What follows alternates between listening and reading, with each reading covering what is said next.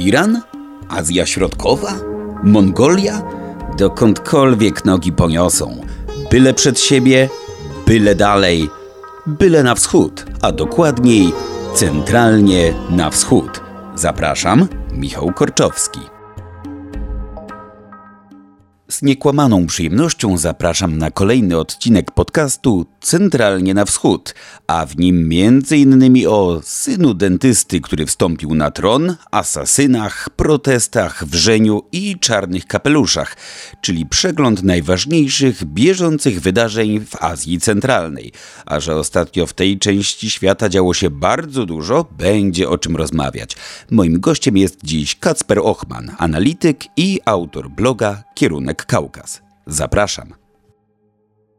Ostatnio świat obiegły, ostatnio, o, jakiś czas temu świat obiegły dość dramatyczne, przynajmniej na pierwszy rzut oka, obrazy z Karakaupacji, czyli z Uzbekistanu. Wyglądało to dość przerażająco. Potem, co prawda, okazało się, że chyba jednak szczęśliwie to, co brano za wręcz strumienie krwi na ulicach, to tak naprawdę farba, czerwona farba, której używano przeciwko demonstrantom. Niemniej jednak nie da się ukryć, że doszło tam do wydarzeń, jak powiedziałem, dramatycznych, które przyciągnęły uwagę całego świata. I może teraz sobie właściwie powiedzmy dokładnie o tym, co tam w Karakaupacji zaszło, jaki był kontekst tego wszystkiego, skąd właściwie wzięły się te protesty, które, jak powiedziałem, spora część świata śledziła z zapartym tchem. Co było przyczyną? Przyczyną była oczywiście mm, próba zmian um, statusu tej e, Republiki Autonomicznej, um, zaproponowanej w, w pakiecie reform konstytucyjnych w Uzbekistanie który jest dosyć e, ambitnie forsowany przez e, obecną administrację prezydenta Mirzojewa. A zapoczątkowana kampania e, już zmian w konstytucji tuż po wygranych przez Mirzojewa wyborach prezydenckich.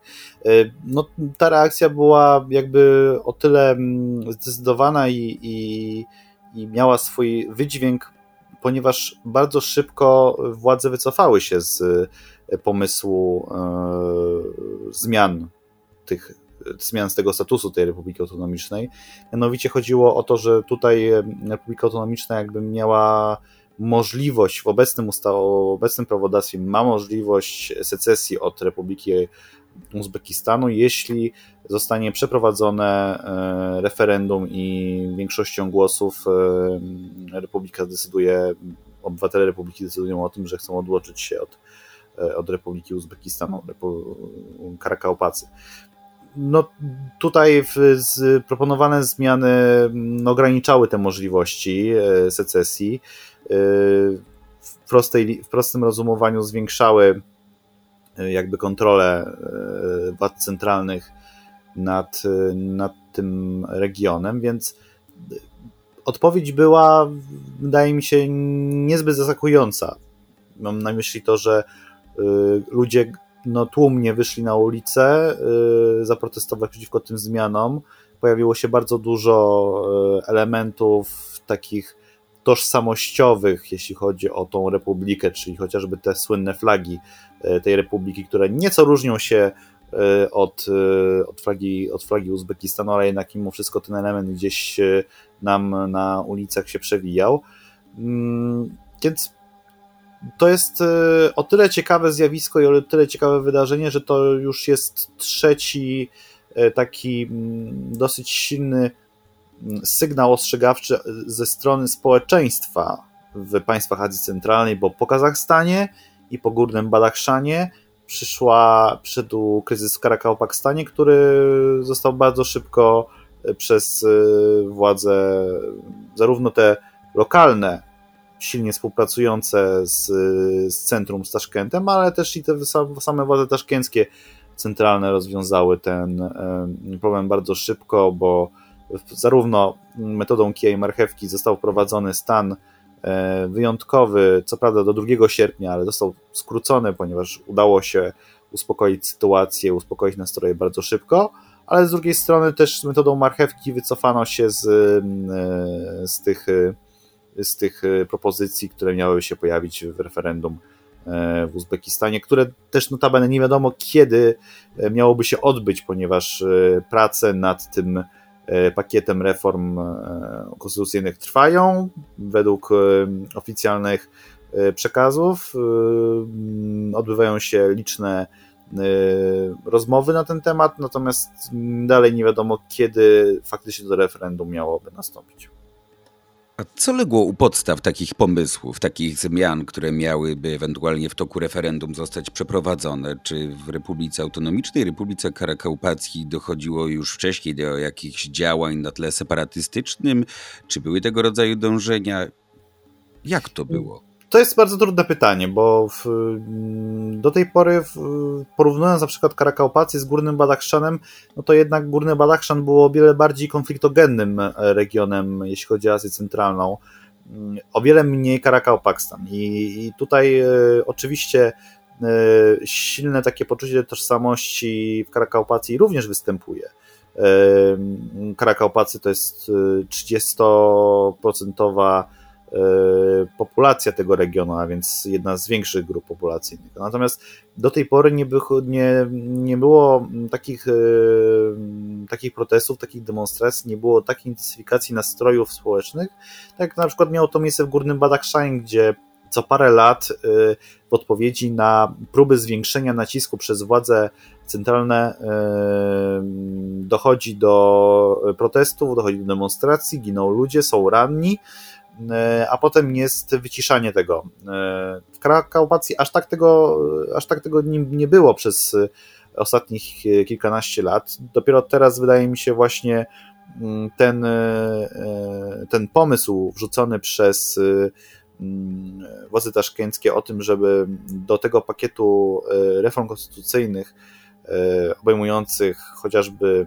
e, zmianę, jeśli chodzi o ilość lat kadencji, kadencyjność prezydenta, dorzucić jeszcze kwestię e, karakaupacji. Wydaje mi się, że tutaj to jakby było w pewien sposób podyktowane mm, tą odpowiedzią, taką zdecydowaną, ale dodałbym jeszcze drugi element, mianowicie taki, że Karakałpakstan jest jednym z, jednym z najbardziej mm, zubożałych, jeśli nie jeden z najmniej zamożnych regionów Uzbekistanu, gdzie mm, symbolem tego, tej biedy jest też wyschnięte jeziora aralskie, które no, w, przez wiele lat y, sowieckiego Uzbekistanu było degradowane i woda z niego była po prostu wybierana na, na rzeczy potężnych inwestycji, chociażby w pola bawełny, inne gigantomańskie pomysły e, sowieckiego Uzbekistanu, rozwoju przemysłu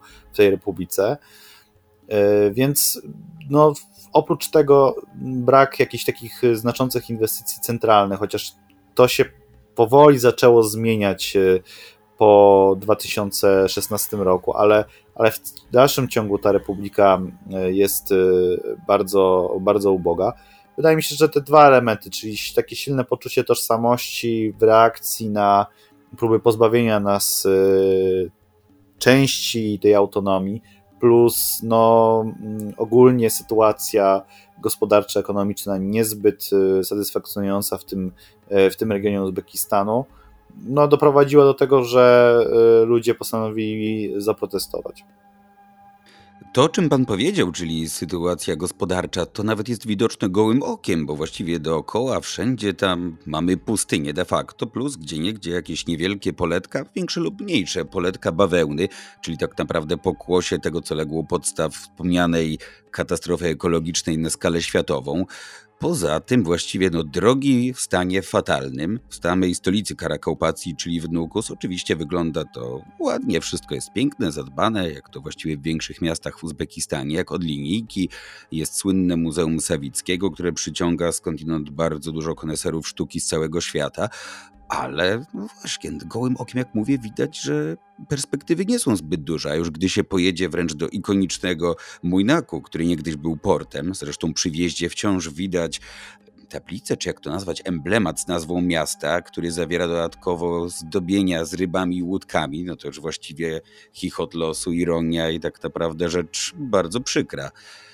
Dodajmy do tego jeszcze osławione yy, więzienie w Jaslyku A, no tak, trudno to uważać za atrakcję turystyczną. To chyba dopełnia krajobrazu, rzeczywiście. Chociaż wspomniał pan o inwestycjach, ja wspomniałem, choć pan wspomniał wcześniej, o Mójnaku i gdy byłem tam ostatnio, czyli dwa i pół roku temu, Mójnak właściwie wyglądał niesamowicie, bo abstrahując już od jeziora Aralskiego, którego tam nie ma, abstrahując od słynnego cmentarzyska statków, wszystko było w budowie. To wyglądało właściwie jakby tworzono tam coś w rodzaju scenografii pod film, jakby to miał być właśnie plan zdjęciowy budowany na prędce, a domy, budynki, przynajmniej te użyteczności publicznej, wyglądały jakby zjechały wszystkie naraz z jednej sztancy.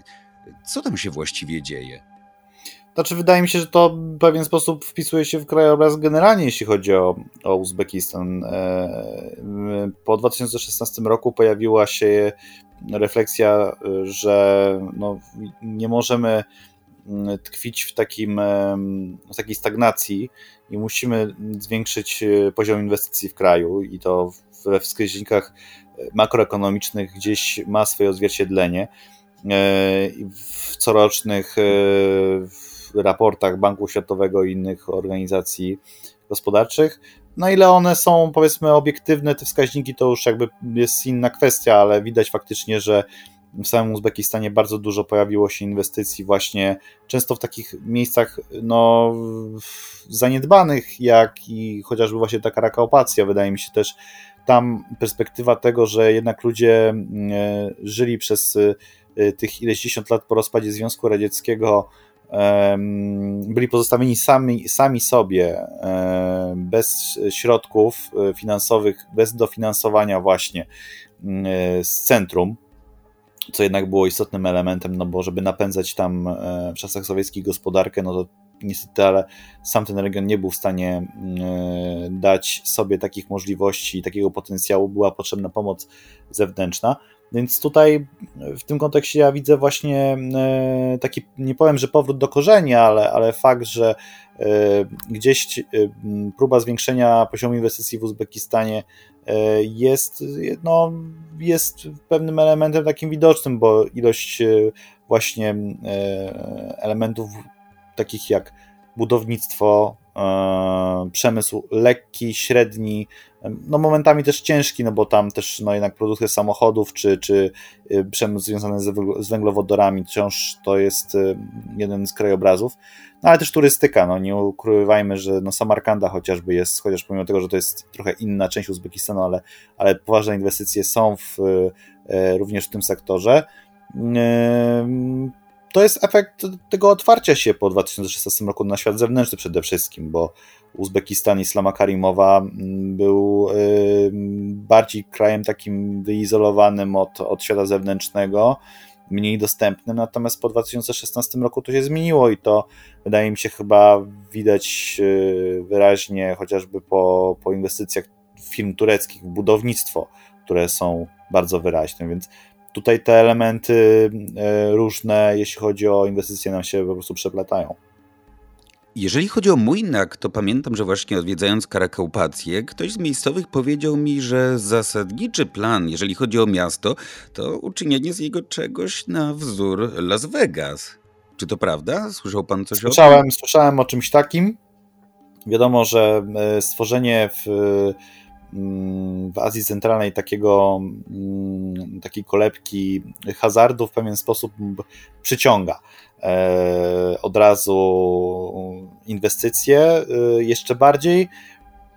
Mówię to z pewnym przymrużeniem oka, ale, ale no. faktycznie też e, znajomy, który był w Uzbekistanie bodajże na obserwacji wyborów prezydenckich właśnie, wspominał, będąc niedaleko, właśnie chyba w sąsiednim regionie, że właśnie Mójnaku próbują e, coś na ten, na ten, na ten deseń e, stworzyć. Tam chyba już nawet jakieś elementy się tego Las Vegas nawet pojawiły, oczywiście w, w, w skali mikro. I myśli pan, że właściwie adresowane to jest do jakiej klienteli? Do miejscowej, regionalnej, czy może bardziej do zamożnych, ewentualnych gości z państw Półwyspu Arabskiego? Myślę, że to, to ostatnie. Myślę przede wszystkim, że to ostatnie. No bo to, tak jak mówię, wpisuje się w pewnym sensie mm, w, w tą politykę takiego przyciągania różnego biznesu, różnych inwestycji, z różnych kierunków świata też przede wszystkim, no bo, bo w, pewnym, w pewnym sensie Uzbekistan jest takim państwem, którym ścierają się interesy chińskie, rosyjskie, zachodnie, a też wydaje mi się trochę elementów właśnie e, arabskich też gdzieś nam się majaczy.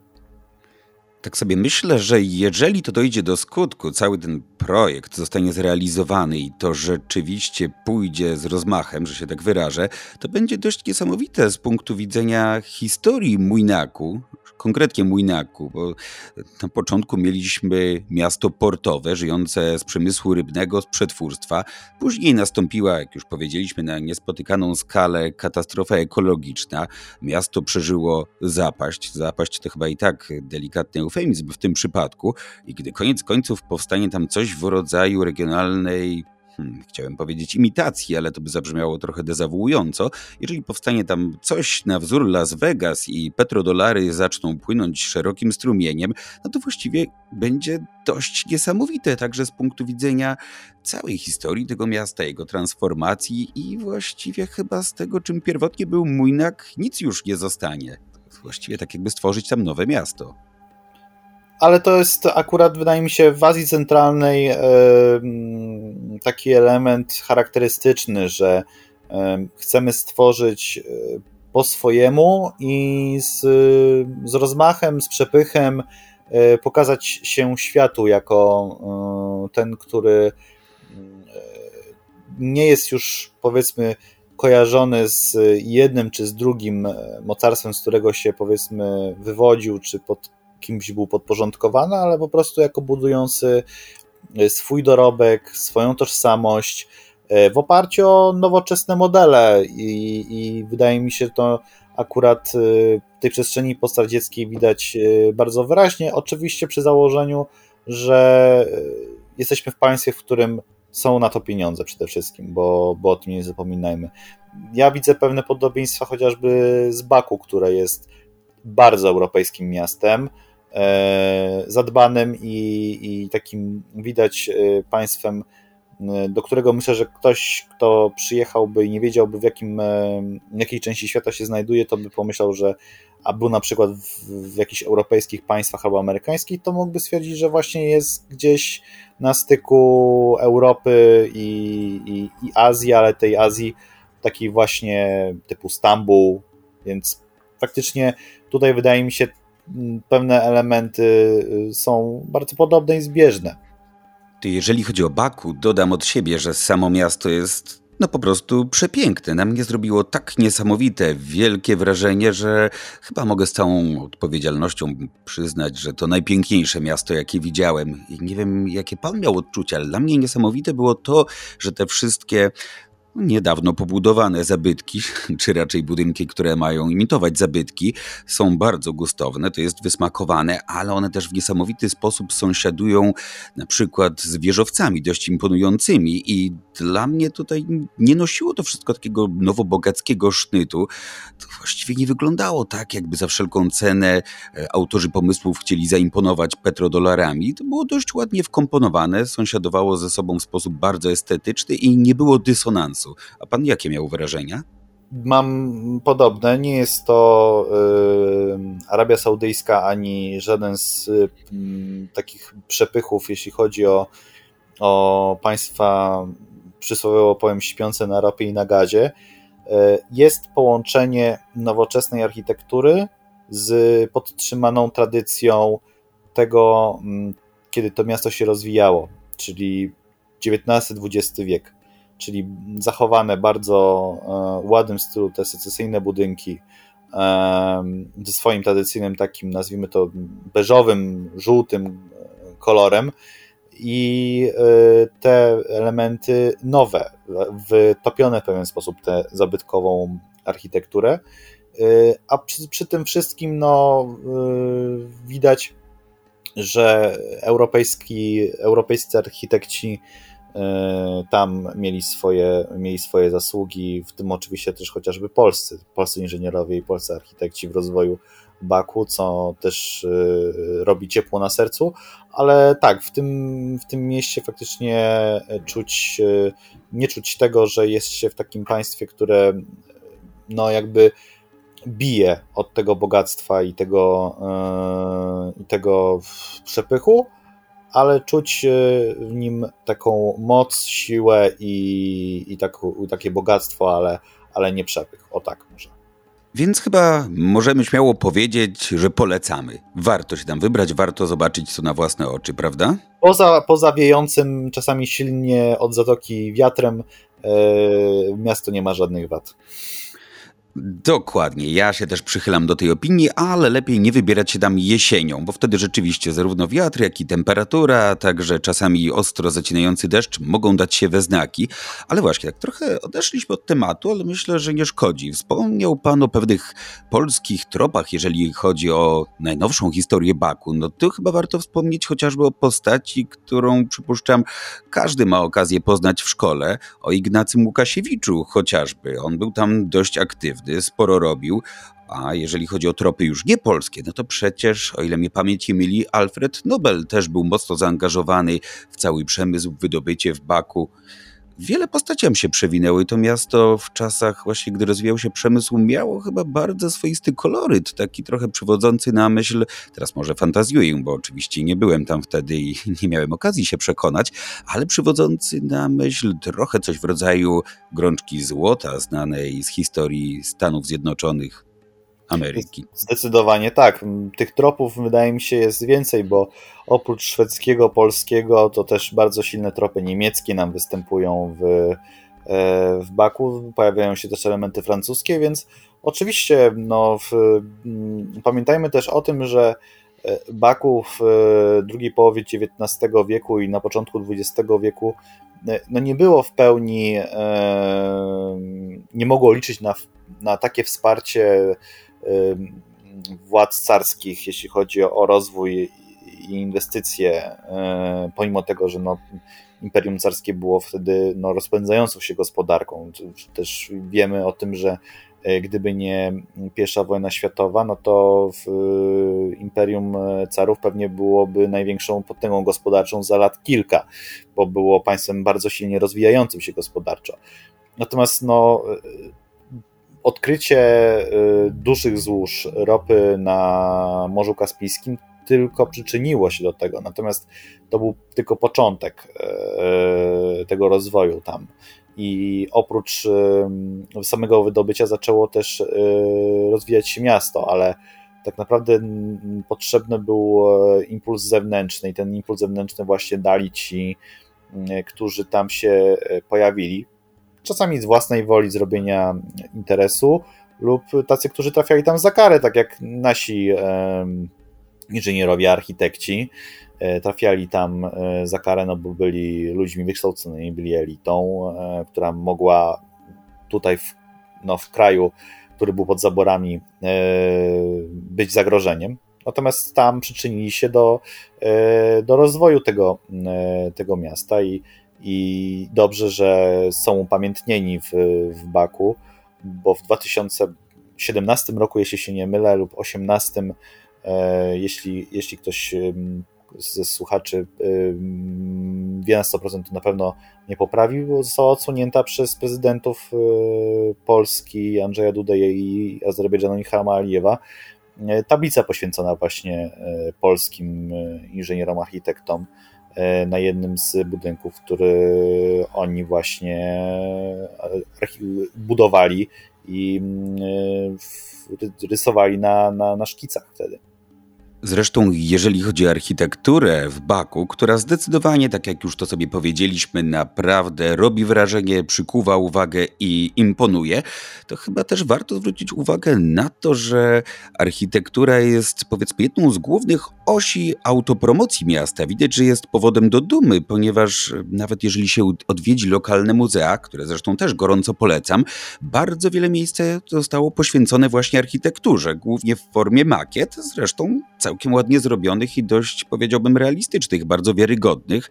Architektura jest tam eksponowana właśnie w taki sposób, pod wieloma względami, więc myślę też, że to daje nam pewien wgląd w to, jaką markę świadomie tworzono, jeżeli chodzi o miasto, jak e, zaplanowano jego promocję, jak wyglądała cała strategia, no i nie bez kozery, zdecydowanie. Dobrze, to jeżeli chodzi o Baku, które niesamowicie się rozwijało, to teraz na zasadzie kontrapunktu wróćmy do Młynaku, który, no cóż, zwijał się bardzo, choć to mało powiedziane, ja bym, ja bym właściwie użył określenia, że miasto swego czasu przeżyło wręcz zawał, ale dobrze, teraz być może przed Młynakiem, przed przynajmniej tą częścią Karakałpacki świetlana przyszłość, mieniąca się różnymi kolorami neonów, będzie jak w Las Vegas, i to, jeżeli dobrze rozumiem, to trochę to chyba wygląda na zasadzie zastaw się, a postaw. Zbudujemy sobie nowe miasto od podstaw, tak liczymy na gości z nad Zatoki Perskiej bądź Zatoki Arabskiej i interes się będzie kręcił. Czy pan też to tak odbiera? No, w pewien sposób tak. Bardziej bym e, doprecyzował to w taki sposób, że zbudujemy nowe miasto, e, stworzymy tam e, nowe miejsca pracy oparte o, o, o zupełnie inne e, bodźce i fundamenty, które tam powiedzmy były wcześniej. Zbudujemy to miasto właśnie z duchem czasu, czyli w miarę nowoczesne, ale też podeprzemy się inwestycjami z, właśnie z różnych kierunków, bo ja oprócz Zatoki Perskie bym też na przykład e, zakładał, że to może być na przykład obecnie atrakcyjny kierunek dla na przykład części e, rosyjskiego świata no tak, biznesowego. Tak, to jak najbardziej, mhm, zwłaszcza obecnie. Dobrze, ale tak, rozmawiamy tutaj o perspektywach na przyszłość, kasynach, uzbeckim Las Vegas, różnych innych rzeczach, ale jeżeli chodzi o samą Karakaupację i o tożsamość ludzi mieszkających tam, tu już powiedzieliśmy, że przy okazji proponowanych zmian politycznych, przy okazji planów związanych ze zmianami politycznymi, tożsamość na pewno uległa konsolidacji, wiadomo, na zasadzie syndromu oblężonej twierdzy, ale jeżeli chodzi o Karakałpaków w zestawieniu z Uzbekami, może naświetlmy trochę te różnice, tak żeby osoby, które nie mają na ten temat wiedzy, mogły zrozumieć właściwie o czym mówimy, jaka tu jest różnica. Przede wszystkim ten obszar mm, był często, e, znaczy często przechodził z rąk do rąk, jeśli chodzi o powiedzmy taką no, najnowszą historię ostatnich 200 lat, nazwijmy to. E, najpierw był pod protektoratem rosyjskim, potem, gdy przyszła rewolucja, rewolucja w Rosji, która opaliła e, carat i wyniosła do władzy bolszewików, to ten obszar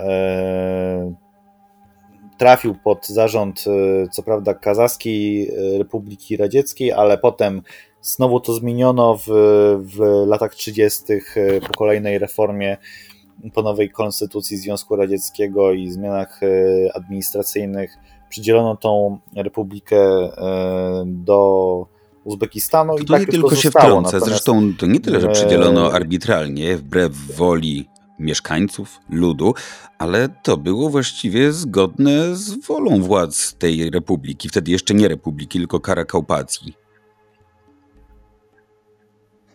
Tak, zdecydowanie, więc tutaj y, też pamiętajmy o tym, że Karakałpacy są y, no jednak bliskim, y, bliskim etnicznie Uzbekom, rodziną, grupą etniczną, są muzułmanami, sunnitami, więc tutaj faktycznie element y, taki, jeśli chodzi o, o, o język, etniczność i, i, religię, tutaj pasował do. Choć z drugiej strony, tych, przepraszam, że się wtrącę, ale Karakopakom żeby... jednak podobno bliżej jednak do Kazachów niż do Uzbeków i także pod względem językowym, bo mówią, o ile pamiętam, językiem z grupy kipczackich, czyli to jednak bliższe pokrewieństwo właśnie z językiem kazachskim. Znaczy, tak, przepraszam, Kazachom, a nie Uzbekom. E, te ludy się po prostu często nam na, nachodzą, na, nakładają na siebie. Tak, do, do Kazachów tutaj do, było zdecydowanie bliżej niż do Uzbeków. Natomiast e, w, drugiej połowie XX wieku, pod koniec, kiedy Związek Radziecki chylił się ku upadkowi, tak naprawdę no, zdecydowano w tej autonomicznej wtedy Socjalistycznej Republice Radzieckiej, że chcemy zostać w, w, w uzbeckiej E, przy Uzbekistanie i, i tutaj jakichś takich specjalnych ruchów odśrodkowych, odśrodkowych nie było, ale faktycznie no, e, z tymi Kazachami jest bliżej, bo też e, Kazachowie to jest jedna z trzecia tak naprawdę największa e, grupa etniczna zamieszkująca e, Karakaupację. I jeżeli mowa o tożsamości, tutaj sobie nakreśliliśmy już ogólny zarys, ale ja wiem, że te, ta kwestia już przed chwilą gdzieś tam miała miejsce, ale od tamtej pory, gdy właśnie ukształtowało się to polityczkie w takim wydaniu, w jakim to trwało przez długi czas, czy były jakieś dążenia emancypacyjne, czy może mieszkańcy Karakaupacji albo władze tej Republiki Autonomicznej wysuwały jakieś postulaty związane z zwiększeniem autonomii, czy może były jakieś odśrodkowe ruchy separatystyczne, czy raczej panował tam zawsze pod tym względem spokój, konstans? E, raczej spokój i konstans, bo też e, trzeba mieć na uwadze to, że Duża jednak ilość mieszkańców tego, e, tego obszaru e, emigrowała. W związku z tym, że lata 90. transformacja e, poskutkowała tam dosyć dużym obniżeniem poziomu życia, to bardzo dużo jednak obywateli tego obszaru wyemigrowało, czy to w głąb Uzbekistanu, czy też za granicę do Kazachstanu, czy do Rosji, po prostu za pracą. Więc y, też tam nie było takiego podłoża ludzkiego, które mogłoby doprowadzić do tego, że y, byłyby jakieś większe ruchy odśrodkowe. Natomiast też, y, co, co, co ważne, no to jest jednak obszar y, stykowy, bo, bo graniczy z y, Kazachstanem, jest to ważna, jest to ważna część Uzbekistanu, a też przez lata rządów Islama Karimowa był to region, który oprócz tego, że nie był doinwestowany, to też bardzo mocno był kontrolowany, żeby nie wybił się na secesję. I tutaj chociażby tym elementem, który no, gwarantował zarówno spokój pod względem e, całościowym uzbeckim, ale też i, i tutaj w Karakaupacji, no było to osławione więzienie, osławione więzienie w Jasleku, tak, e, w którym no, dużo osób sprzeciwiających się e,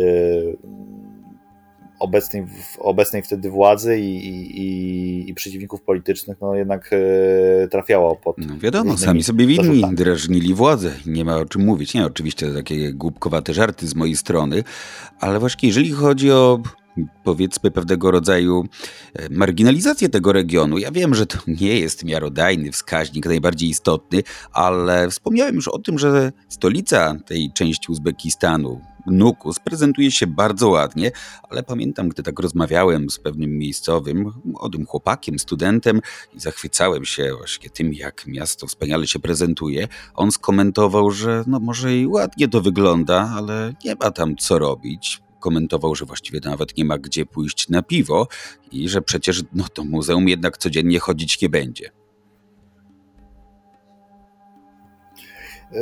No to jakby wystawia świadectwo o tym, że poziom inwestycji i tworzenie tam e, atrakcyjnego miejsca do chociażby życia no nie był zbyt wysoki. To jest y, pewien element y, no, jakby całości e, tego, że bardzo dużo ludzi jednak e, wjeżdża z, nie tylko z Karakaupacji, ale z całego Uzbekistanu jednak do pracy e, za granicę. Szacuje się, że około 9 do 12 milionów centralnych Azjatów wyjeżdża co roku do pracy, z, czy pracuje na, na co dzień. Co już się chyba trochę zmieni. Już podobno są e, pewne trendy, jeżeli chodzi o dywersyfikację kierunków migracji zarobkowych, spowodowane oczywiście sytuacją pomiędzy Rosją a Ukrainą.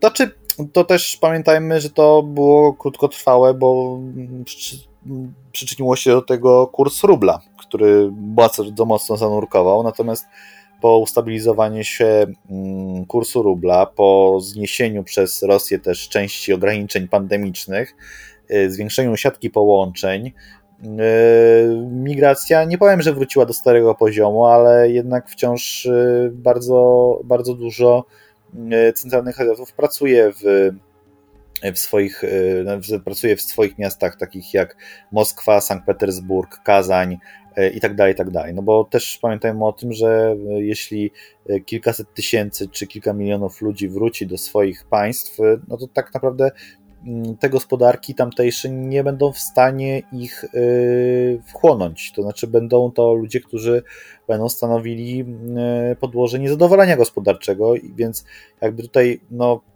pewną oczywistością jest fakt, że e, trzeba stworzyć tym ludziom możliwości pracy za granicą, ponieważ wewnątrz kraju będą generowali bezrobocie. Ostatnie protesty, które miały miejsce w Karakaupacji, dantejskie sceny, które transmitowały media niemal na całym świecie, to podobno według niektórych komentatorów największy tego rodzaju zryw, jaki miał miejsce w Uzbekistanie od 2005 roku, kiedy to doszło do chyba nawet, jeżeli można porównywać, bardziej dramatycznych wydarzeń w Andiżanie, nazywanych masakrą w Andiżanie. I co to oznacza? Ludzie się rozbestwili? Mało im prądu, wody w kranie i braku tortur? Chcieliby jeszcze samostanowienia. Oczywiście ironizuję, ale jakie z tego wnioski można wyciągnąć, jeżeli chodzi, jeżeli to w ogóle można uogólnić o postawy obywatelskie, nastroje? Jak pan uważa? To ja uważam, że przede wszystkim często władze centralne, które no w tym wypadku były odpowiedzialne za te pomysły z referendum konstytucyjnym, nie komunikują się już nie tylko z ze swoimi obywatelami, ale też przede wszystkim nawet z swoimi reprezentantami, reprezentantami na szczeblu lokalnym, czyli nawet z władzami lokalnymi w, w Nukusie zakładam, że nie było konsultowane kwestie e, tych zmian mm, e, konstytucyjnych. Myślę, że gdyby tam albo te władze lokalne postawiły się bardziej lub powiedziały, że to nie jest dobry pomysł, że ludzie, którzy nie zawsze mają wodę, nie zawsze mają prąd, nie, mają zawsze, nie zawsze mają ciepło, no mogą wyjść na ulicę i zaprotestować. I tu wydaje mi się, że zabrakło po prostu refleksji i, i takiego zdrowego rozsądku w, w, w tym, żeby mm, przemyśleć y, ruchy, które, które gdzieś powiedzmy mm, władze centralne w Taszkencie mają zapanowane na, na szachownicy, bo o ile oczywiście mm, e, legitymizacja do zmian i poparcie e, obecne, obecne władze wydaje mi się mają spore dosyć i, i, i tu no pewne, mm, pewne zmiany, pewne reformy po 2016 roku są tego owocem tego poparcia, e, to w dużej mierze y, zbytnie, zbytnia pewność siebie w polityce nigdy nie popłaca i wydaje mi się, że tutaj zabrakło e, takiej refleksji, bo to, co mm, często powoduje protesty, demonstracje w państwach Azji Centralnej, to jest właśnie fakt, że władze, które mm, generują dużą ilość propozycji, pomysłów, które potem są forsowane i koniec końców wcielane w życie, one nie są w żaden sposób konsultowane ze społeczeństwem.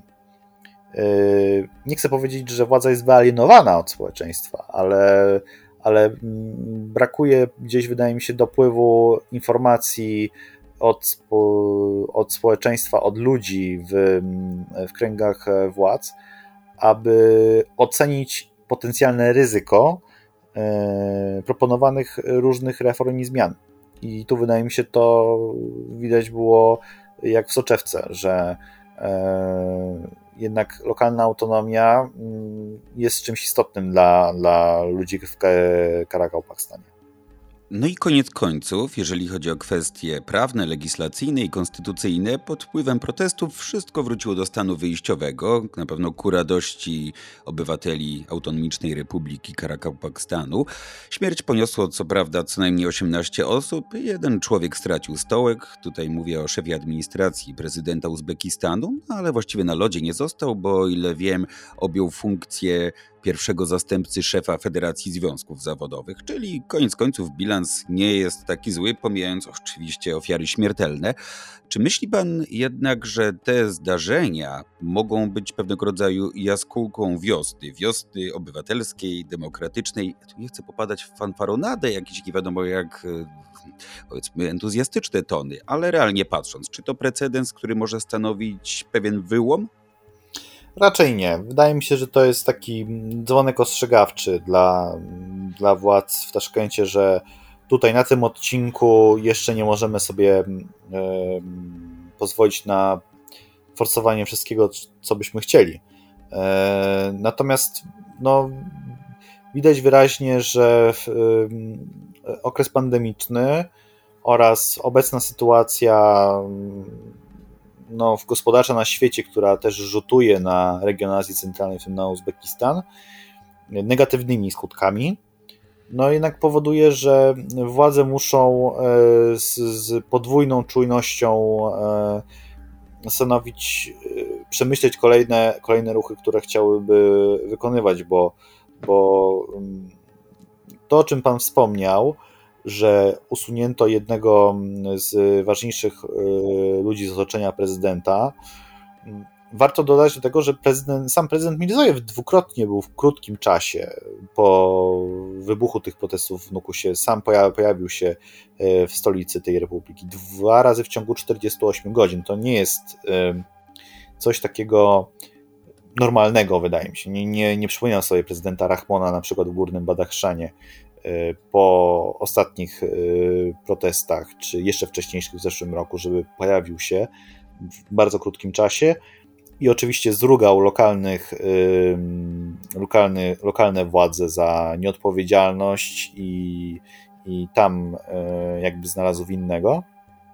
Ale fakt, Czyli że tam ludzki prezydent pan pofatygował się do ludu nawet, no proszę. Porozmawiał, oczywiście, oczywiście i y, możemy się z tego śmiać, ale wydaje mi się, że w tym jest, y, w tym szaleństwie jest pewna metoda. To znaczy budowanie wizerunku, popartego oczywiście pewnym aparatem propagandowym, ale dwa to jest też y, kwestia tego, że prezydent nie boi się tam pojechać, spotkać się z ludźmi, mm, jacy by oni nie byli.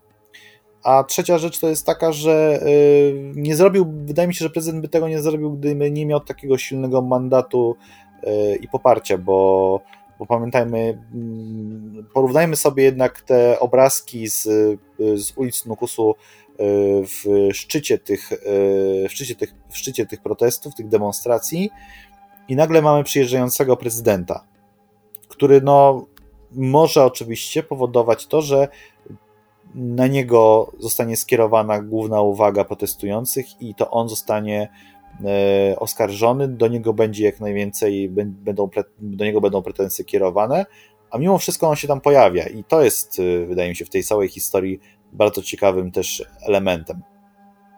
Jednak ręce miał do pewnego stopnia związane, przynajmniej nie mógł odwołać się do rozwiązań takich, jakie preferował jego poprzednik, czyli zwyczajnie bez ceregieli spacyfikować protestów, ponieważ no, pomijając różne względy oczywiście humanitarne i ludzkie, nie wiem czy akurat takie na uwadze ma obecny prezydent Uzbekistanu, ale tak jeżeli chodzi o wizerunek, jak jego administracja stara się kreować chyba od samego początku, czyli otwierać kraj, przedstawiać kraj jako atrakcyjny z punktu widzenia inwestorów, oczywiście bardzo wiele, jeżeli chodzi o turystykę, no to szlachectwo zobowiązuje i tutaj myślę, że ręce są związane. Po czymś takim nie można by właściwie doprowadzić w jednej chwili do fiaska całej tej kampanii PR-owskiej i spacyfikować ludzi bezceremonialnie, prawda?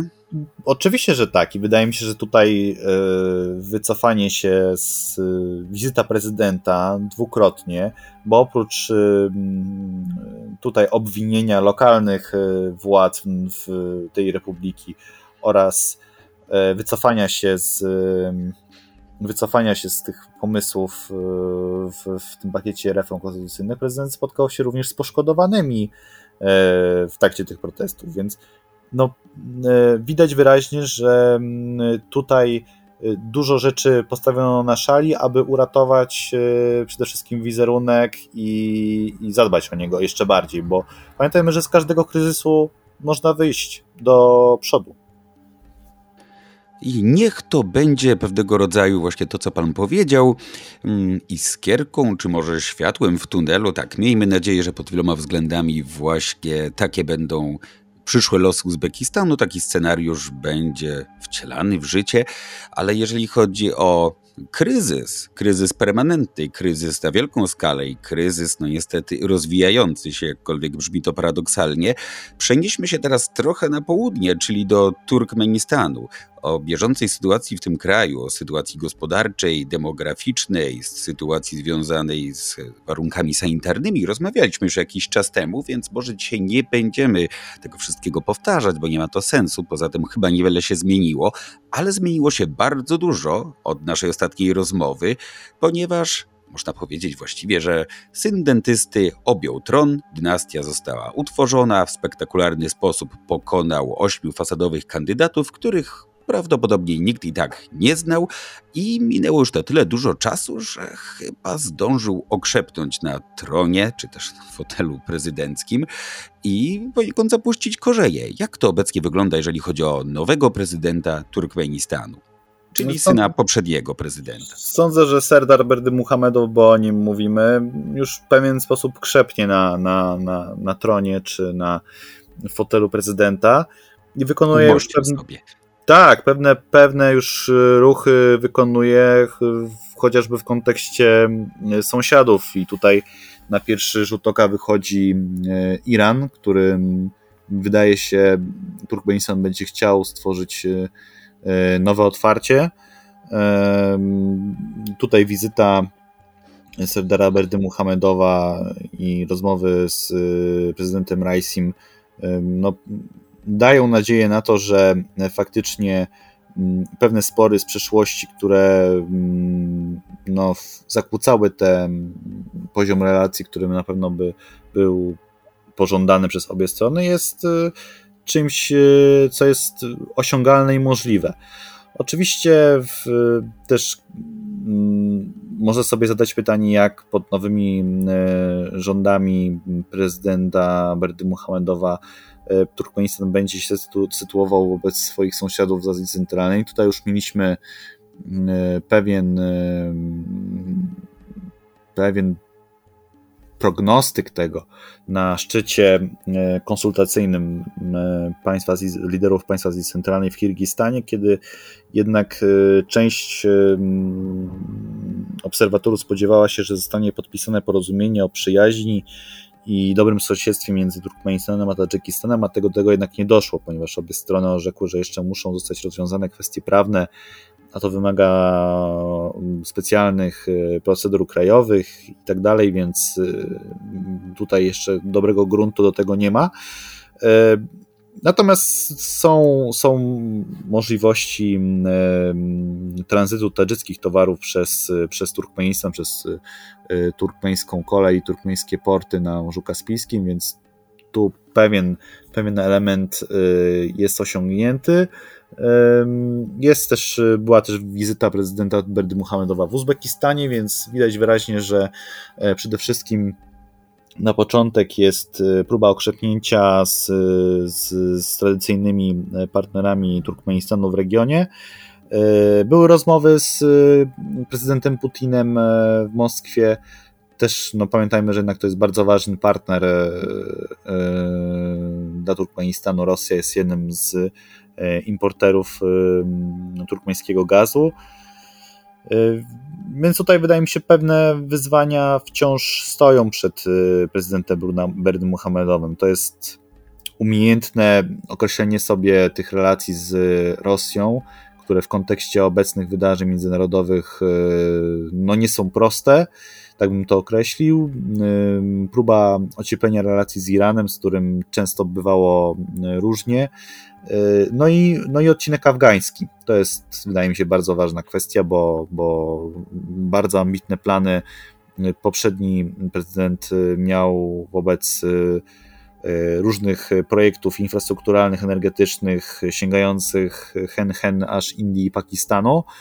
E, natomiast teraz e, w obliczu obecnej sytuacji w Afganistanie na to e, dobrych prognostyków nie ma.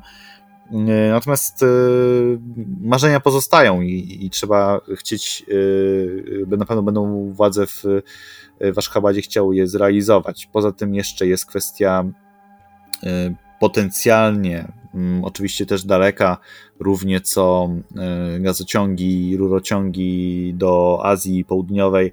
E, jest kwestia e, eksportu turkmeńskich węglowodorów przez Azerbejdżan do Turcji i dalej do Europy. To też wydaje się na razie no, niezbyt, niezbyt pewne i, i dalej kwestią bardzo odległą, ale też jest to wyzwanie, które stoi przed obecnym prezydentem, więc tak na parę miesięcy e, rządów e, powiedziałbym, że dużo takich ruchów wykonanych na zewnątrz, e, pokazujących chęć współpracy i, i, i, i otwarcia się, bo nie zapominajmy o tym, że pandemia połączon, i połączenie obecnych też sytuacji z kryzysem żywnościowym e, oraz bardzo wysokich temperatur powodujących suszę, e, co no, w Azji Centralnej widać bardzo wyraźnie, w Turkmenistanie szczególnie, no powoduje, że państwo nie może też do końca być, nie może do końca tak funkcjonować, tak jak funkcjonowało um, do tej pory, a wydaje mi się, że Serdar Berdy Muhammedow, który kilka szczebli um, sprawowania władzy na poziomie lokalnym, regionalnym, a potem centralnym odbył, wydaje mi się, że ma dosyć, e, dosyć sporo wyobraźni, żeby te, te mechanizmy widzieć. No tak, tata sposobił go od dawna, można by powiedzieć, przepraszam za określenie, sroce spod ogona synek nie wyleciał, światowy jest, obycie ma, kształcił się w zachodnich uczelniach i ja tutaj znowu wiem, że nudzę, ale jak ten poprawny pięknoduch muszę o to zapytać.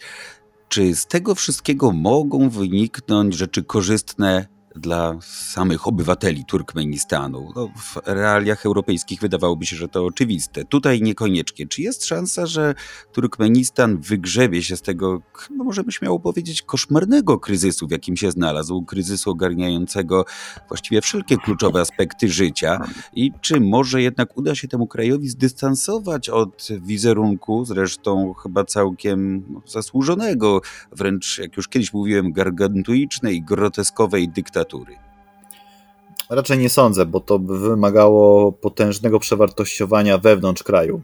A wydaje mi się, że e, na tyle mm, właśnie, tak jak pan powiedział, nie wyszedł z Rodzy spod ogona Serdar Berdy Muhammedow, że e, to jest wciąż e, bardzo silne sprzęgnięcie z, tym, z tymi elementami systemu, które były do tej pory. Natomiast wydaje mi się, że e, jest refleksja i świadomość, a wydaje mi się, że taki młody człowiek jak Serdar Mendy Muhammedow ma tyle wyobraźni, żeby wiedzieć, że no, do pewnego momentu e, te, ta sytuacja gospodarcza przede wszystkim, która panuje w, w kraju, e, no jest do skontrolowania, bo Słyszymy co, co już o buntujących się migrantach zarobkowych z Turkmenistanu, którzy nie mogą wrócić z Turcji, z Rosji do swoich, do swoich ojczyzn. Więc tutaj. Dlaczego nie mogą? No, to jest, y, wydaje mi się, obawa o, o potencjalne zarzewie opozycyjne w Turkmenistanie.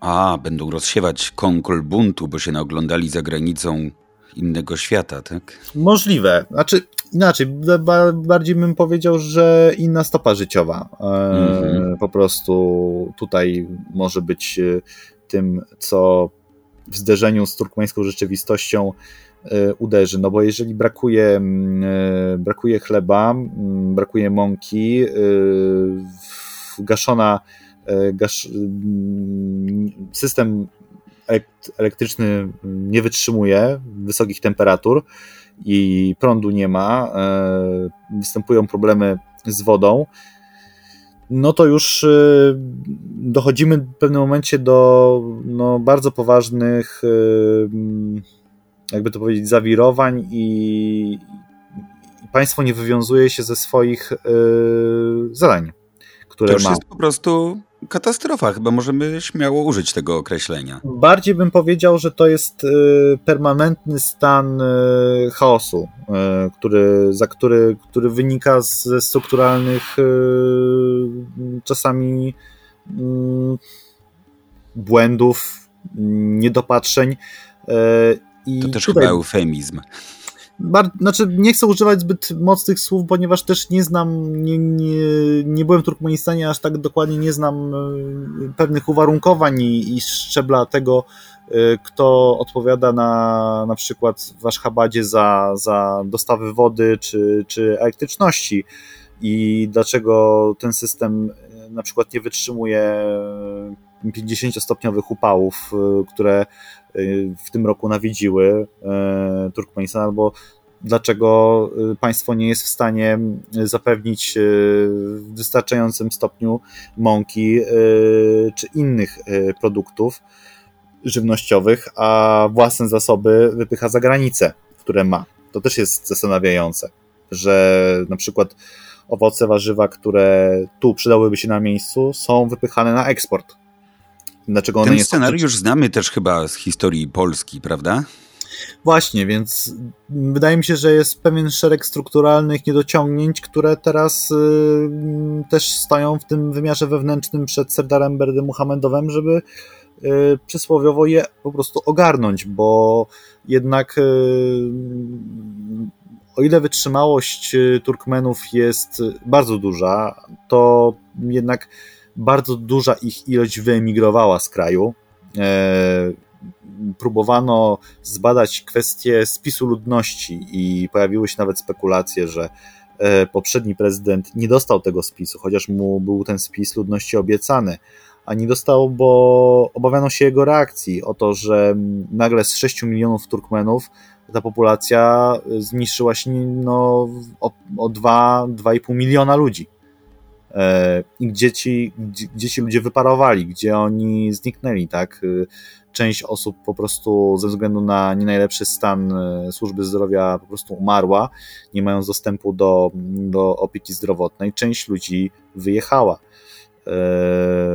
Za, Ale jak wiemy, na taki problem jest jedno dobre, sprawdzone rozwiązanie: zamknąć granice i po sprawie. No i tutaj wracamy do tego, o czym powiedziałem. Bardzo dużo migrantów zarobkowych z Turkmenistanu nie mogło wrócić do swojego, e, do swojego państwa. Teraz lekko uchylono te, te granice i, i możliwość wjazdu jest. Natomiast no, też pamiętajmy o tym, że na przykład e, w Turkmenistanie nie ma tematu koronawirusa. Nie odnotowano tam oficjalnie żadnego przypadku. Natomiast bardzo dużo Szczęśliwa ludzi. enklawa.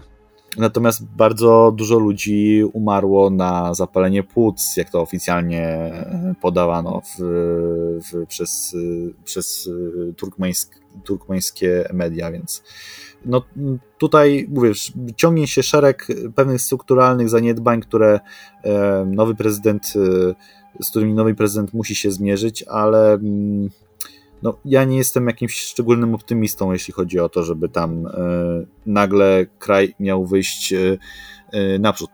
Dużym, jeśli nie jedynym plusem jest to, że ceny węglowodorów stoją bardzo wysoko, a to stwarza możliwość ściągnięcia kapitału, za którym można sfinansować jakieś inwestycje chociażby w to, żeby system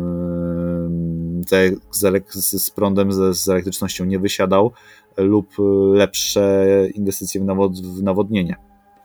No i pozostaje tylko mieć nadzieję, że może coś tam przy tej okazji skapnie ludowi z pańskiego stołu.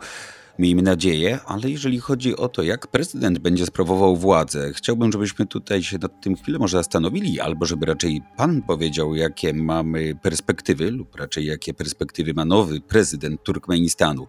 Czy zanosi się na to, że on tę władzę będzie sprawował w starym, dobrym stylu znanym z Azji Centralnej, niemal jako Han, satrapa, będzie sobie budował złote pomniki i tak dalej, no to już element miejscowego folkloru, ruchome złote pomniki dodajmy, czy jednak na przykład tata będzie sprawował nad nim pewną kontrolę z tylnego siedzenia. Tutaj jeszcze też dodam, że chyba warto wziąć pod uwagę to, że tam różnego rodzaju układy rodzinno-biznesowe dają o sobie znać. Zresztą pamiętam, że on też pacyfikował pokazowo jakichś krewnych, którzy mieli dopuścić się finansowych machlojek.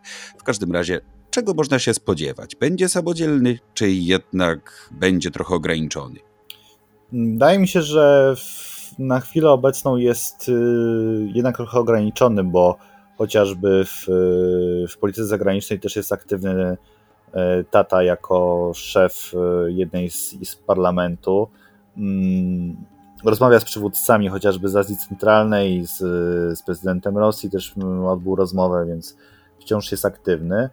Natomiast y, wydaje mi się, że też y, oprócz y, pewnego elementu kontroli jest też kwestia zapewnienia synowi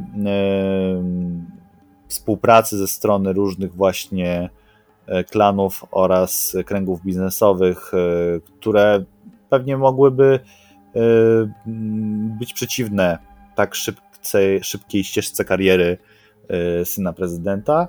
No też znamienne jest to, że Serdar Debed Muhammedow nie usunął chyba żadnego z ważniejszych ministrów yy, współpracujących z, z, z ojcem. Tutaj takim yy, ważnym, yy, ważną postacią jest Rashid Meredow, czyli minister spraw zagranicznych, który, o którym mówiono, że zostanie odsunięty przez E, przez Serdara Berdy Muhammedowa i to będzie taki symbol, e, oczywiście ograniczony, ale jednak tego, że mm, Serdar będzie chciał po swojemu układać e, sobie drużynę, ale jednak on wciąż jest i kilku innych ministrów też zostawił, więc tutaj wydaje mi się, że jest to ograniczona samodzielność. Być może to się będzie zmieniało y, w momencie, kiedy Serdar będzie krzepnąć, y, będzie mm, podejmować pierwsze samodzielne decyzje y, oraz no, stan ojca też, stan zdrowotny ojca nie będzie się polepszał, tylko pogarszał, bo jednak pamiętajmy też o tym, że Gurbanguły Berdy Muhammedow jest, był też poważnie chory przeszedł kilka zabiegów, y, specjalnie byli ściągani dla niego lekarze z Niemiec, y, więc no tutaj wydaje mi się, że to jest też taki element, który będzie nam warunkował dalszy rozwój jego, e, jego czyli Serdara Berdy Muhammedowa prezydentury, stan zdrowotny ojca. On zresztą chyba musi liczyć się z tym, i zapewne liczy się jak najbardziej, z tym, że musi prowadzić bardzo subtelną szczegółową, czy powiedzmy misterną grę, związaną też z różnorodnością etniczną Turkmenistanu, etniczną, ale też plemienną, bo jednak chyba warto podkreślić to, że w przeciwieństwie do znanych nam modeli państw i społeczeństw europejskich, w Turkmenistanie mamy sześć czy siedem plemion, chyba sześć głównych plemion, które no, chyba nie do końca są skonsolidowane i ta struktura społeczna jest rozdzierana przez różnego rodzaju tarcia właśnie mające genezę rodową, klanową, plemienną. Jedno z plemion, o ile się nie mylę, nawet zostało wyzute, jego symbol został wyzuty z flagi państwowej, z jakiegoś powodu tam się to nie znalazło. No i właśnie tu czy tu stale tli się ewentualne ryzyko wybuchu wojny domowej? Trzeba to rozgrywać bardzo subtelnie? To taka trochę saperska robota? Bardziej bym powiedział, że dopóki tutaj prezydent y, poprzedni Berdy Muhammedow Gurbanguły cieszy się y, poważaniem różnych ważnych tak naprawdę osób z kręgów władz, biznesu i służb, to tutaj nie widać zagrożenia y, tak naprawdę, jeśli chodzi o, o potencjalny wybuch jakiegokolwiek konfliktu wewnątrz Turkmenistanu tutaj wydaje mi się bardziej kwestie y, legitymizacji władzy y, syna. wchodzą w grę, czyli czy ludzie, którzy przeszli od Gurbanguły Berdy Muhammedowa płynnie do, do Serdara, no będą uważali, że to jest y, w dłuższej perspektywie czasu lider, który, y, który faktycznie, z którym chcemy faktycznie współpracować i, i, i chcemy, żeby był naszym prezydentem. E, wydaje no mi się tak też... nie mamy nic do powiedzenia w tej kwestii. Trochę tak, trochę nie. Tutaj y, wchodzimy już w pewne rozgrywki wewnątrz, między tymi elitami, o których też y, aż tak dużo y, nie wiemy. I dopóki, wydaje mi się, dopóki tam nie ma jakichś takich rewolucyjnych tąpnięć, jeśli chodzi o skład i ludzi, którzy są w, w aparacie władzy biznesu, służb, to jest y, wyczuwalna stabilność, jeśli chodzi o, o, o, te, o jakiekolwiek potencjalne nawet y, wewnętrzne y, tarcia, niezadowolenia, kryzysy, konflikty. Tego nie widać na razie. Proszę mi wytłumaczyć jedną rzecz, bo trochę tego nie pojmuję. Dowiedziałem się, że Turkmenistan zadeklarował wysłanie pomocy humanitarnej dla Ukrainy. To ma być ładunek, który obejmie leki, różnego rodzaju produkty przemysłowe, ja mówię, produkty przemysłu medycznego, czyli nie tylko leki, a wszystko, co właściwie w tej sytuacji może być potrzebne, a nawet tekstylia. Pytanie jest następujące. W momencie, gdy Turkmenistan jest wciąż zależny od Rosji, chce się jak najlepiej ułożyć z Putinem, coś takiego nie stanowi pewnego rodzaju wolty wręcz? Wydaje mi się, że w Azji Centralnej występują większe wolty. Kazachstan, Uzbekistan, które wprost powiedziały, ustami swoich oficjeli, tego najwyższego szczebla również, że nie uznają mm, samozwańczych republik donbaskiej, ługańskiej. E, tutaj taki komunikat o wysłaniu pomocy humanitarnej jest czymś e, wartym odnotowania, ale z perspektywy wydaje mi się Moskwy nie jest to żadna wolta, tylko po prostu samodzielna decyzja Republiki Turkmenistanu. A myśli pan, że właśnie Turkmenistan, Uzbekistan czy też Kazachstan pozwalają sobie teraz, tak się wyrażę, harcować, tak sobie podskakują, bo car folwarku jest zajęty i liczą, że przy tej okazji może uda się trochę wybić na niezależność, trochę zredefiniować całą lokalną geopolitykę? Spojrzałbym na to w inny sposób. E, wydaje mi się, że te państwa robią dużo, żeby nie być zaklasyfikowanym do mm, drużyny sankcyjnej Rosji. E, dużo gestów wykonanych na zewnątrz przez Kazachstan i Uzbekistan przede wszystkim e, ma na, celu, ma na celu to, żeby mm, tutaj nie, nie dostać obuchem z, i rykoszetem sankcjami, które na Rosję są nakładane, bo nie zapominajmy, że gospodarki kazachska, uzbecka, no ale też turkmeńska, kirgiska czy tadżycka są bardzo mocno powiązane z, z gospodarką rosyjską. No, chociażby wspomniany kurs rubla, o którym rozmawialiśmy, jest jednym z elementów, y, które no, pokazują dobitnie, że, że te państwa no, współpracują z Rosją, bardzo silnie są powiązane.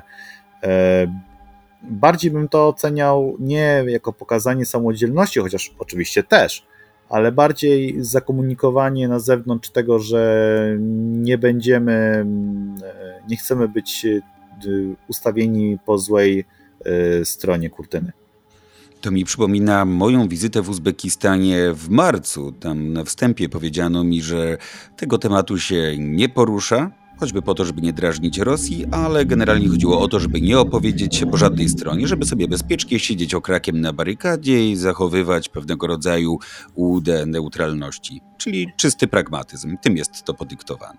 Ludy Azji Centralnej właśnie często w swoją inteligencję popierają właśnie tym pragmatyzmem. E, ja będąc w Armenii w kwietniu też intensywnie mm, czy dopytywałem, czy rozmawiałem z Ormianami na temat tej, e, tego, co się dzieje za naszą wschodnią granicą i tylko tutaj jakby to nie jest jednostka do końca, wydaje mi się, obiektywna, ponieważ oni, mając własne doświadczenie wojny w 20 roku z Azerbejdżanem, sami mówili mniej więcej w tym samym stylu, że oni nikomu nie życzą wojny, bo wiedzą, co wojna oznacza, jakie przynosi zniszczenie więc nikomu tej wojny nie życzą i też dla nich tego tematu, ten temat nie jest tematem wiodącym, nie istnieje zbyt szeroko w, w, dyskurs, dyskursie publicznym, w, nie jest to temat, e, nie jest to temat, pierwszy, te, pierwszy temat e, rozmów między Ormianami.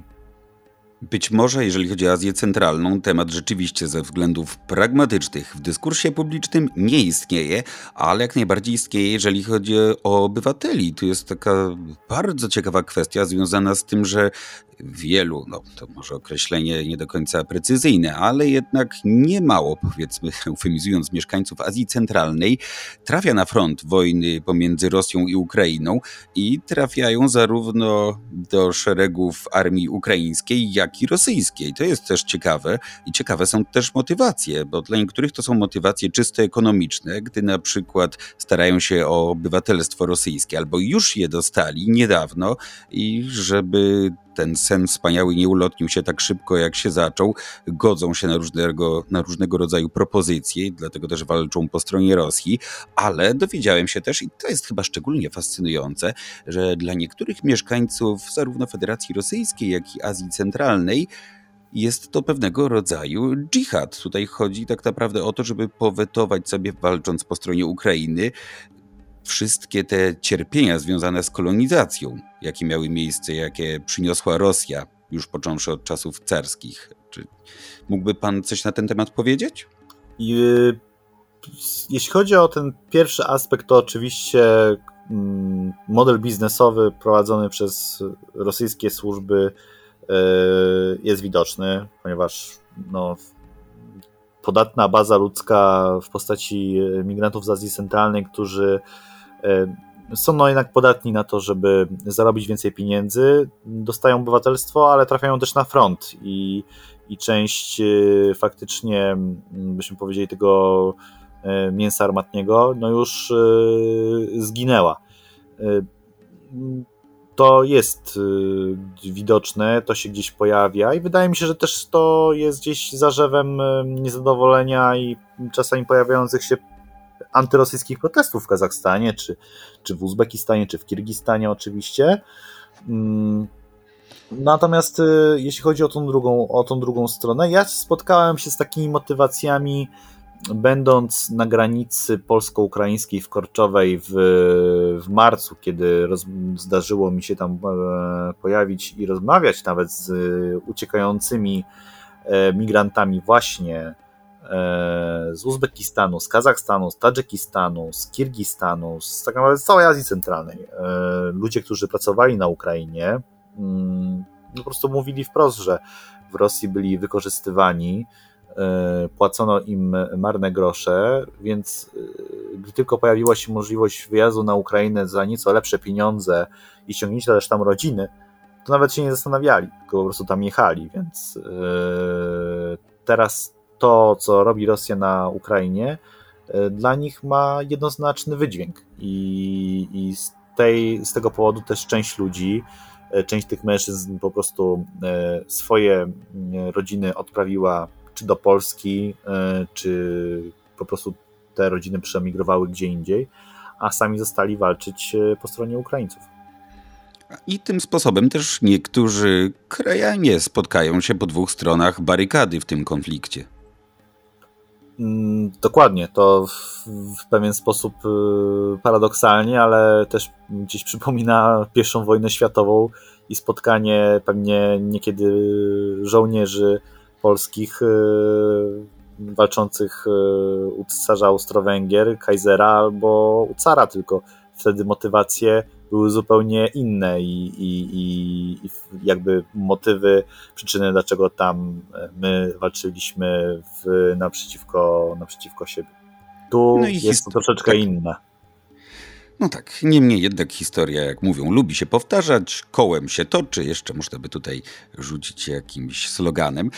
Dobrze, zostawmy może tę kwestię, póki co, niemniej jednak bardzo fascynującą kwestię. I przejdźmy do Tadżykistanu, o którym tutaj już parę razy wspomnieliśmy między wierszami, ale myślę, że Tadżykistan jak najbardziej zasługuje na to, by poświęcić mu jednak trochę czasu. Tadżykistan, a zwłaszcza to, co działo się ostatnio w Badachszanie.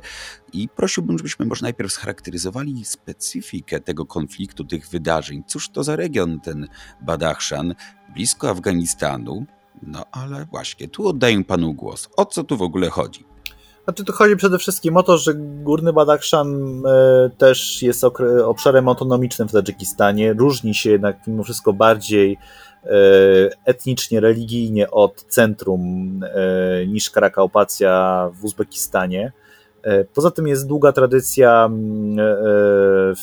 no, konfliktów między, między Górnym Badachszanem a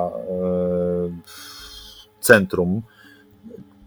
Jego, za, jego jakby korzenie sięgają wojny domowej w Tadżykistanie w latach 90.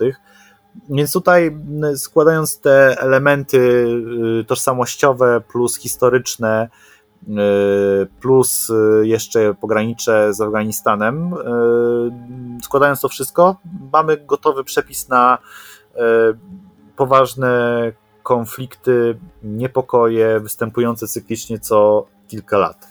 I faktycznie ostatnia odsłona tego kryzysu, powiedzmy, w Górnym Badachszanie zaczęła się jesienią zeszłego roku, kiedy zatrzymany został pod zarzutem E, pod zarzutem ataku na funkcjonariuszy jeden z mieszkańców e, tego obszaru, któremu, e, któremu podobno funkcjonariusze organów ścigania dokonali prób molestowania jego córki, jeśli dobrze kojarzę, córki lub żony, mogę się mylić. Natomiast tego, tego człowieka zatrzymano, y, no i on w trakcie y, dochodzenia umarł.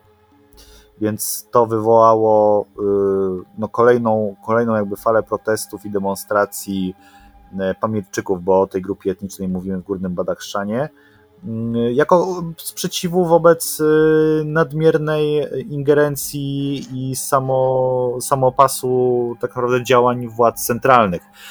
E, to zostało okraszone zwiększoną ilością posterunków y, służb bezpieczeństwa oraz wojska w Górnym Badachszanie, co działa tak naprawdę na tych mieszkańców jak y, przysłowiowa płachta na byka. E, Fakt faktem, że bardzo szybko odcięto internet, co jest normalnością w takich sytuacjach i bardzo długo go nie przywracano. Natomiast wtedy tę jesienną falę protestów udało się ugasić, ale w wyniku niewywiązywania się z postanowień i porozumienia między protestującymi a władzami lokalnymi wtedy, y, jesienią, y, na wiosnę wybuchła, wybuchła kolejna fala protestów. E, I tutaj jednak e, szybciej wdrożono po pierwsze te środki bezpieczeństwa oraz po opanowaniu sytuacji tymi środkami bezpieczeństwa było sprawne przejście do, do wywiązywania się jednak większego z, z, z postanowień, które zostały wypracowane wtedy w jesienią no, chociażby przywrócono internet w większej prędkości, więc kanały komunikacyjne zostały przywrócone, zmniejszono ilość posterunków. No i też e, zaproponowano szereg e, inwestycji i reform w regionie, które miałyby też ochłodzić tą temperaturę. O ile jeszcze Górny Badachszan nie jest przesiąknięty E, bronią i, i faktycznie tutaj te możliwości e, no, działania e, siłowego przez pamiętczyków są ograniczone, to do tej pory mm, władze tadżyckie mają sprawność i sprawczość na tym, żeby kontrolować sytuację. Problem pojawia się w momencie, kiedy na przykład miałaby się pojawić broń z Afganistanu. gdyby pojawił się jakiś przemyt broni z Afganistanu do tego obszaru i tam y, skrzyknęłaby się jakaś grupa ludzi uzbrojona w, w karabiny maszynowe czy w jakąś inną broń, zdecydowana jednak zawalczyć o to, żeby y, więcej wymóc na władzach lub nawet sięgnąć po większą niezależność. Tego nie można wykluczyć w jakiejś tam przyszłości. Nie potrafię powiedzieć jaki, ponieważ e, e, służby tadżyckie bardzo pilnują jednak tej, tej granicy z Afganistanem. No, pojawiają się co i rusz jakieś e, gesty prowokacyjne ze strony różnych grup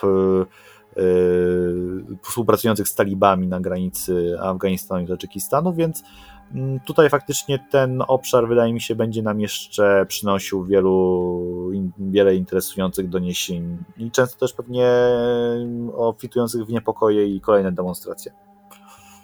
Władze Tadżykistanu przy tej okazji odwoływały się do znanej już chyba klasycznej, klasycznej oczywiście w swoich realiach retoryki i wspominano o operacji antyterrorystycznej w Górnym Badachszanie. Zresztą, o ile wiem, to też władzom Tadżykistanu w tej sprawie zdarzyło się zwrócić z prośbą o pomoc do Moskwy.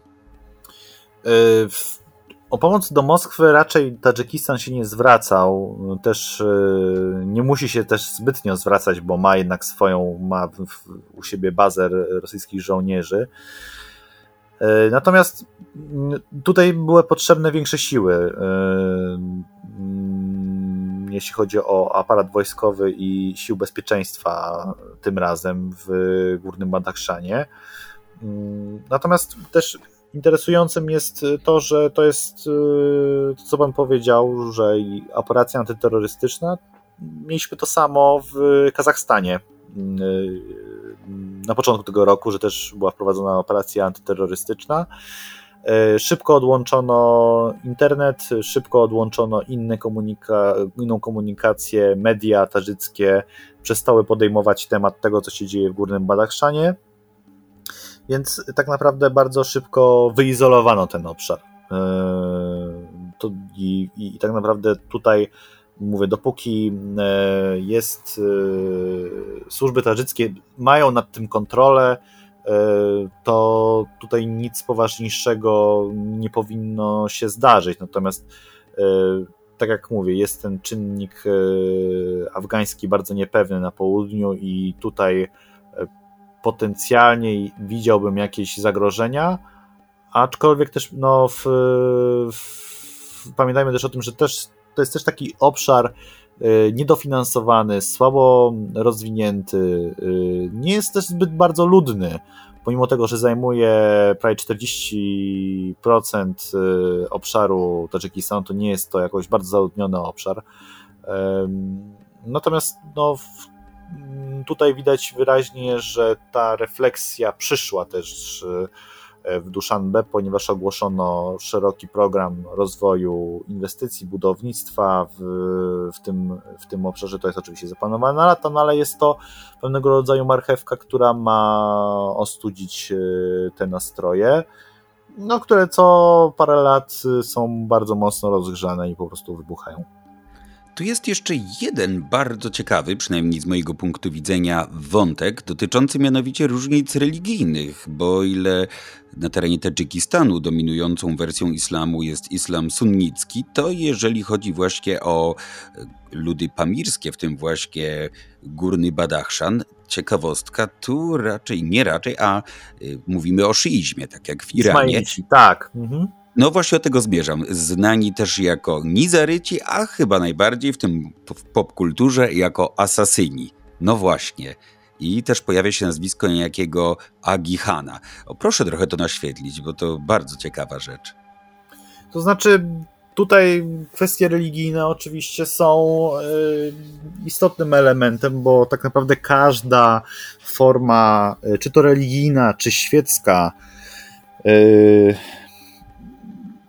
tworząca możliwość stworzenia odrobne, odrębnego ośrodka yy, konkurencyjnego dla Duszanbe jest bardzo szybko yy, podejmowana i oceniana jako właśnie zagrożenie terrorystyczne. Warto przypomnieć chociażby przykład nie tylko Agihana, ale też lidera, szefa tadżyckich służb specjalnych, który uciekł do państwa islamskiego. Też bardzo słynna historia, gdzie bardzo szybko Y, podjęto tak naprawdę działania, nazwijmy to medialno-propagandowe, które e, miały tego człowieka sklasyfikować jako człowieka niepoczytalnego i totalnego radykała, a, przecież był wiodącą e, postacią w, w świecie służb tadżyckich i E, człowiekiem wykształconym, sprawdzonym e, po, po wielu, wielu warsztatach, e, nazwijmy to, z służb specjalnych nie tylko w Rosji, ale też w Stanach Zjednoczonych. Więc tutaj wydaje mi się, że sprawa jest. Dla państwa islamskiego to musiał być naprawdę cenny nabytek bardzo, bardzo cenny nabytek i, i bardzo chwalony przez, y, propagowany przez, przez y, aparaty medialne państwa islamskiego. E, natomiast y, tutaj wydaje mi się, że nie ma, nie ma zbyt wielkiej filozofii, jeśli powiem, że tak naprawdę każdy element y, odstający od y, świeckiego wydania mm, islamu w y, państwach Azji Centralnej, a w Tadżykistanie już szczególnie, no jest odstępstwem i, i odstępstwem ocierającym się od terroryzm. Bardzo dużo mówiono chociażby w Tadżykistanie o tym, jaki model ubioru kobiet powinien być co kobietom wolno, a czego nie wolno i bardzo na przykład tępiono i, i, i w, ścigano nie, nieregulaminowy ubiór kobiet. Czyli noszący znamiona tradycji religijnej tak, jakiejś, zdecydowanie, się. zdecydowanie. Nie wolno tak. zasłaniać twarzy, jestem tak. przekonany, to odpada. Tak, tak mhm. to odpada. Więc y, tutaj, tak jak mówię, każdy element odstający od, od, od ogólnego scenariusza i, i wydania y, is, świeckiego islamu w Tadżykistanie jest y, czymś no, w najmniejszym wypadku, w najlepszym wypadku podejrzanym. To ja jeszcze chciałbym parę zdań na temat tego Agihana, żebyśmy sobie powiedzieli, ponieważ to dość ciekawa postać, bo tak, to już jest dość sędziwy pan, bo liczący sobie 85 wiosen, no, czyli zdecydowanie nie młodzieniaszek, absolwent Uniwersytetu Harvarda i mieszka w Szwajcarii. A jeżeli chodzi o retorykę, jaka wokół tego pana narosła w Tadżykistanie, no to mówi się, że jest pewnego rodzaju agentem, załóżnikiem czy stronnikiem interesów Zachodu. No i właśnie, czy to taka próba dość typowa właściwie szukania sobie jakiegoś tam wroga zewnętrznego, którą znamy zresztą z realiów europejskich. Tutaj też w niektórych kręgach jest pewien mocno sędziwy, wielki szatan, który na różne sposoby ma mącić. Czy to coś takiego, czy ten człowiek ma realne wpływy i rzeczywiście w jakiś sposób inicjuje różnego rodzaju działania w tym newralgicznym regionie? Mm, to znaczy tak, oczywiście element oblężonej twierdzy i, i wróg zewnętrzny to są stałe, stałe, e, stałe elementy pojawiające się w takim wypadku i tu te, a przykład Akihana nie będzie odbiegał nam od tego. Natomiast y, mm, tu widać na tym przykładzie, że tak naprawdę każdy, każdy element każdy element właśnie poddający w wątpliwość legitymizację e, obecnej władzy będzie tak oceniany. E, I tu mm, jest o tyle ciekawie, że jeśli faktycznie Akihan ma powiązania z, z Wielką Brytanią, czy też e, z innymi państwami zachodniego świata, to jednak też ten Tadżykistan z tymi e, zachodnimi państwami no, współpracuje. No, mieliśmy chociażby bardzo głośną wizytę prezydenta Rahmona w Paryżu, z którym też e, swego czasu Gihan miał jakieś związki, więc tak naprawdę tutaj wydaje mi się, że kwestia jakiegoś tam biznesu politycznego już de facto wchodzi w grę. Dobrze, to jeżeli chodzi o Górny Badachszan, to chyba póki co tyle. Wydaje mi się, że oczywiście sytuacja jeszcze będzie zapewne długo rzutowała w jakiś sposób na politykę wewnętrzną Tadżykistanu. Pewnie jeszcze nie raz usłyszymy o tym, co dzieje się w samym górnym Badachszanie albo wokół niego, ale póki co to wydaje mi się, że chyba wystarczy to, co wspomnieliśmy. W Azji Centralnej zresztą, jak zapewne można było usłyszeć w trakcie naszej rozmowy, dzieje się ostatnio bardzo dużo. Czy ewentualnie na koniec proponowałby Pan jeszcze, żebyśmy poruszyli jakąś kwestię, którą pominąłem, a która jest na tyle istotna, że jednak warto by ją było dziś odnotować? Wydaje mi się, że tutaj przeszliśmy w miarę sprawnie przez te dwa kryzysy ostatnie, które były w w ostatnich miesiącach w Azji Centralnej, czyli Górny Badachszan, Karakałpakstan. No, oczywiście elementem, e, który bardzo mocno rzutuje na, na, na tendencje w, występujące w Azji Centralnej, no to to jest oczywiście sytuacja międzynarodowa, czyli wojna na Ukrainie, która też bardzo mocno rzutuje na sytuację e, w Azji Centralnej, bo to jest kwestia w Kazachstanie chociażby eksportu ropy, który był wstrzymany przez e, Rosję w, e, Noworosy, w porcie noworosyjsku, no bo stwierdzono wtedy, że były problemy techniczne e, w porcie przyładunkowym, a tak naprawdę to była reakcja na, na, na jednak bardziej elastyczną politykę Kazachstanu względem, względem tego, co robi Rosja na Ukrainie i nieuznawanie tego co wojska rosyjskie y, robią w, za naszą wschodnią granicą i, i, i reakcja y, Rosjan była zdecydowana. To jest kwestia chociażby dostaw żywności, bo Rosja pozbawiona importu żywności z zewnątrz musiała podbezpieczyć własne zasoby, a to rzutowało, że swoimi, swoich zasobów nie mogła eksportować na zewnątrz, chociażby do Kirgistanu czy do Kazachstanu, i tam też wzrosły ceny bardzo poważnie, pomijając już cały jakby mechanizm inflacyjny, który obecnie rządzi światem, to to jeszcze tylko mm, to zjawisko, o którym wspomniałem, przyczyniło się do tego. E, więc każde z państw e, na swój sposób e, odczuwa elementy tego, co dzieje się na Ukrainie, a dodatkowo na to nakłada się w tym roku bardzo wysokie, nakładają się bardzo wysokie temperatury, bo które sięgały 50, ponad 50 stopni.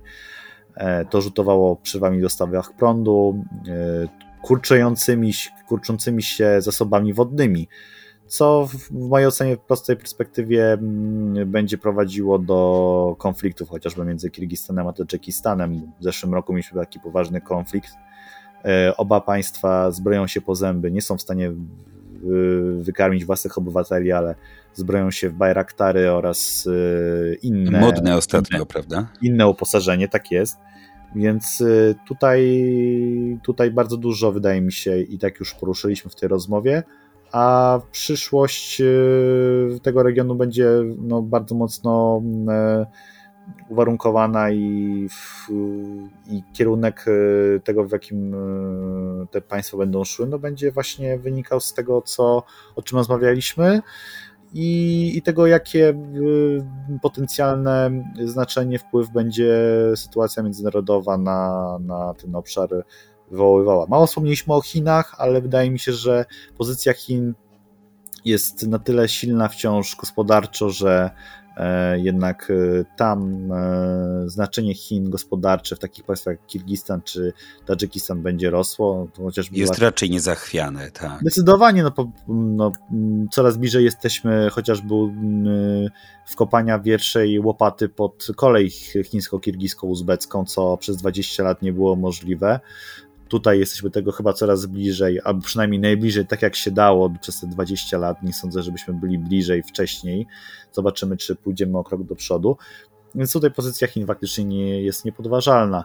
E, wydaje mi się, że mm, czas y, pokaże, jakim kierunku to wszystko pójdzie w Azji Centralnej, ale bardzo dużo jest takich e, znaków, e, znaków zapytania, które raczej e, skłaniają mnie ku refleksji, że będziemy słyszeć znowu o, o jakichś niepokojach, demonstracjach oraz no, potencjalnych konfliktach, bo, bo, bo te też w niedawnej przyszłości były.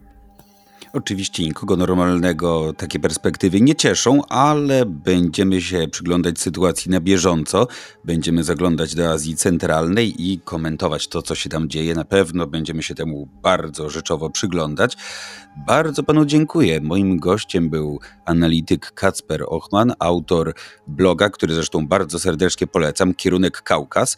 Jak powiedziałem, jeszcze nie raz, mam nadzieję, będziemy mieli okazję usłyszeć się na chciałem powiedzieć na antenie, to co prawda nie antena, ale w podcaście Centralnie na Wschód. Bardzo panu dziękuję. Dziękuję również e, za rozmowę, wydaje mi się bardzo wyczerpującą, ale, ale tak jak e, wspomniałem, sytuacja w Azji Centralnej i jakby charakterystyka tego regionu świata jest e, taka, że to ten region żyje i żyje często w takich właśnie dynamiczny sposób, więc nie sposób pewnie będzie do niego nie wrócić. Do usłyszenia. To był kolejny odcinek podcastu Centralnie na Wschód. Bardzo dziękuję i oczywiście zapraszam do słuchania kolejnych odcinków, a także tych, które swoją premierę już miały. Można je znaleźć zarówno na profilu podcastu na YouTube, a także na Spotify. No i oczywiście tradycyjnie na koniec zachęcam też do zaglądania i rzecz jasna lajkowania, subskrybowania i wspierania swoimi komentarzami profilu programu na Facebooku. Dziękuję bardzo bardzo i do usłyszenia.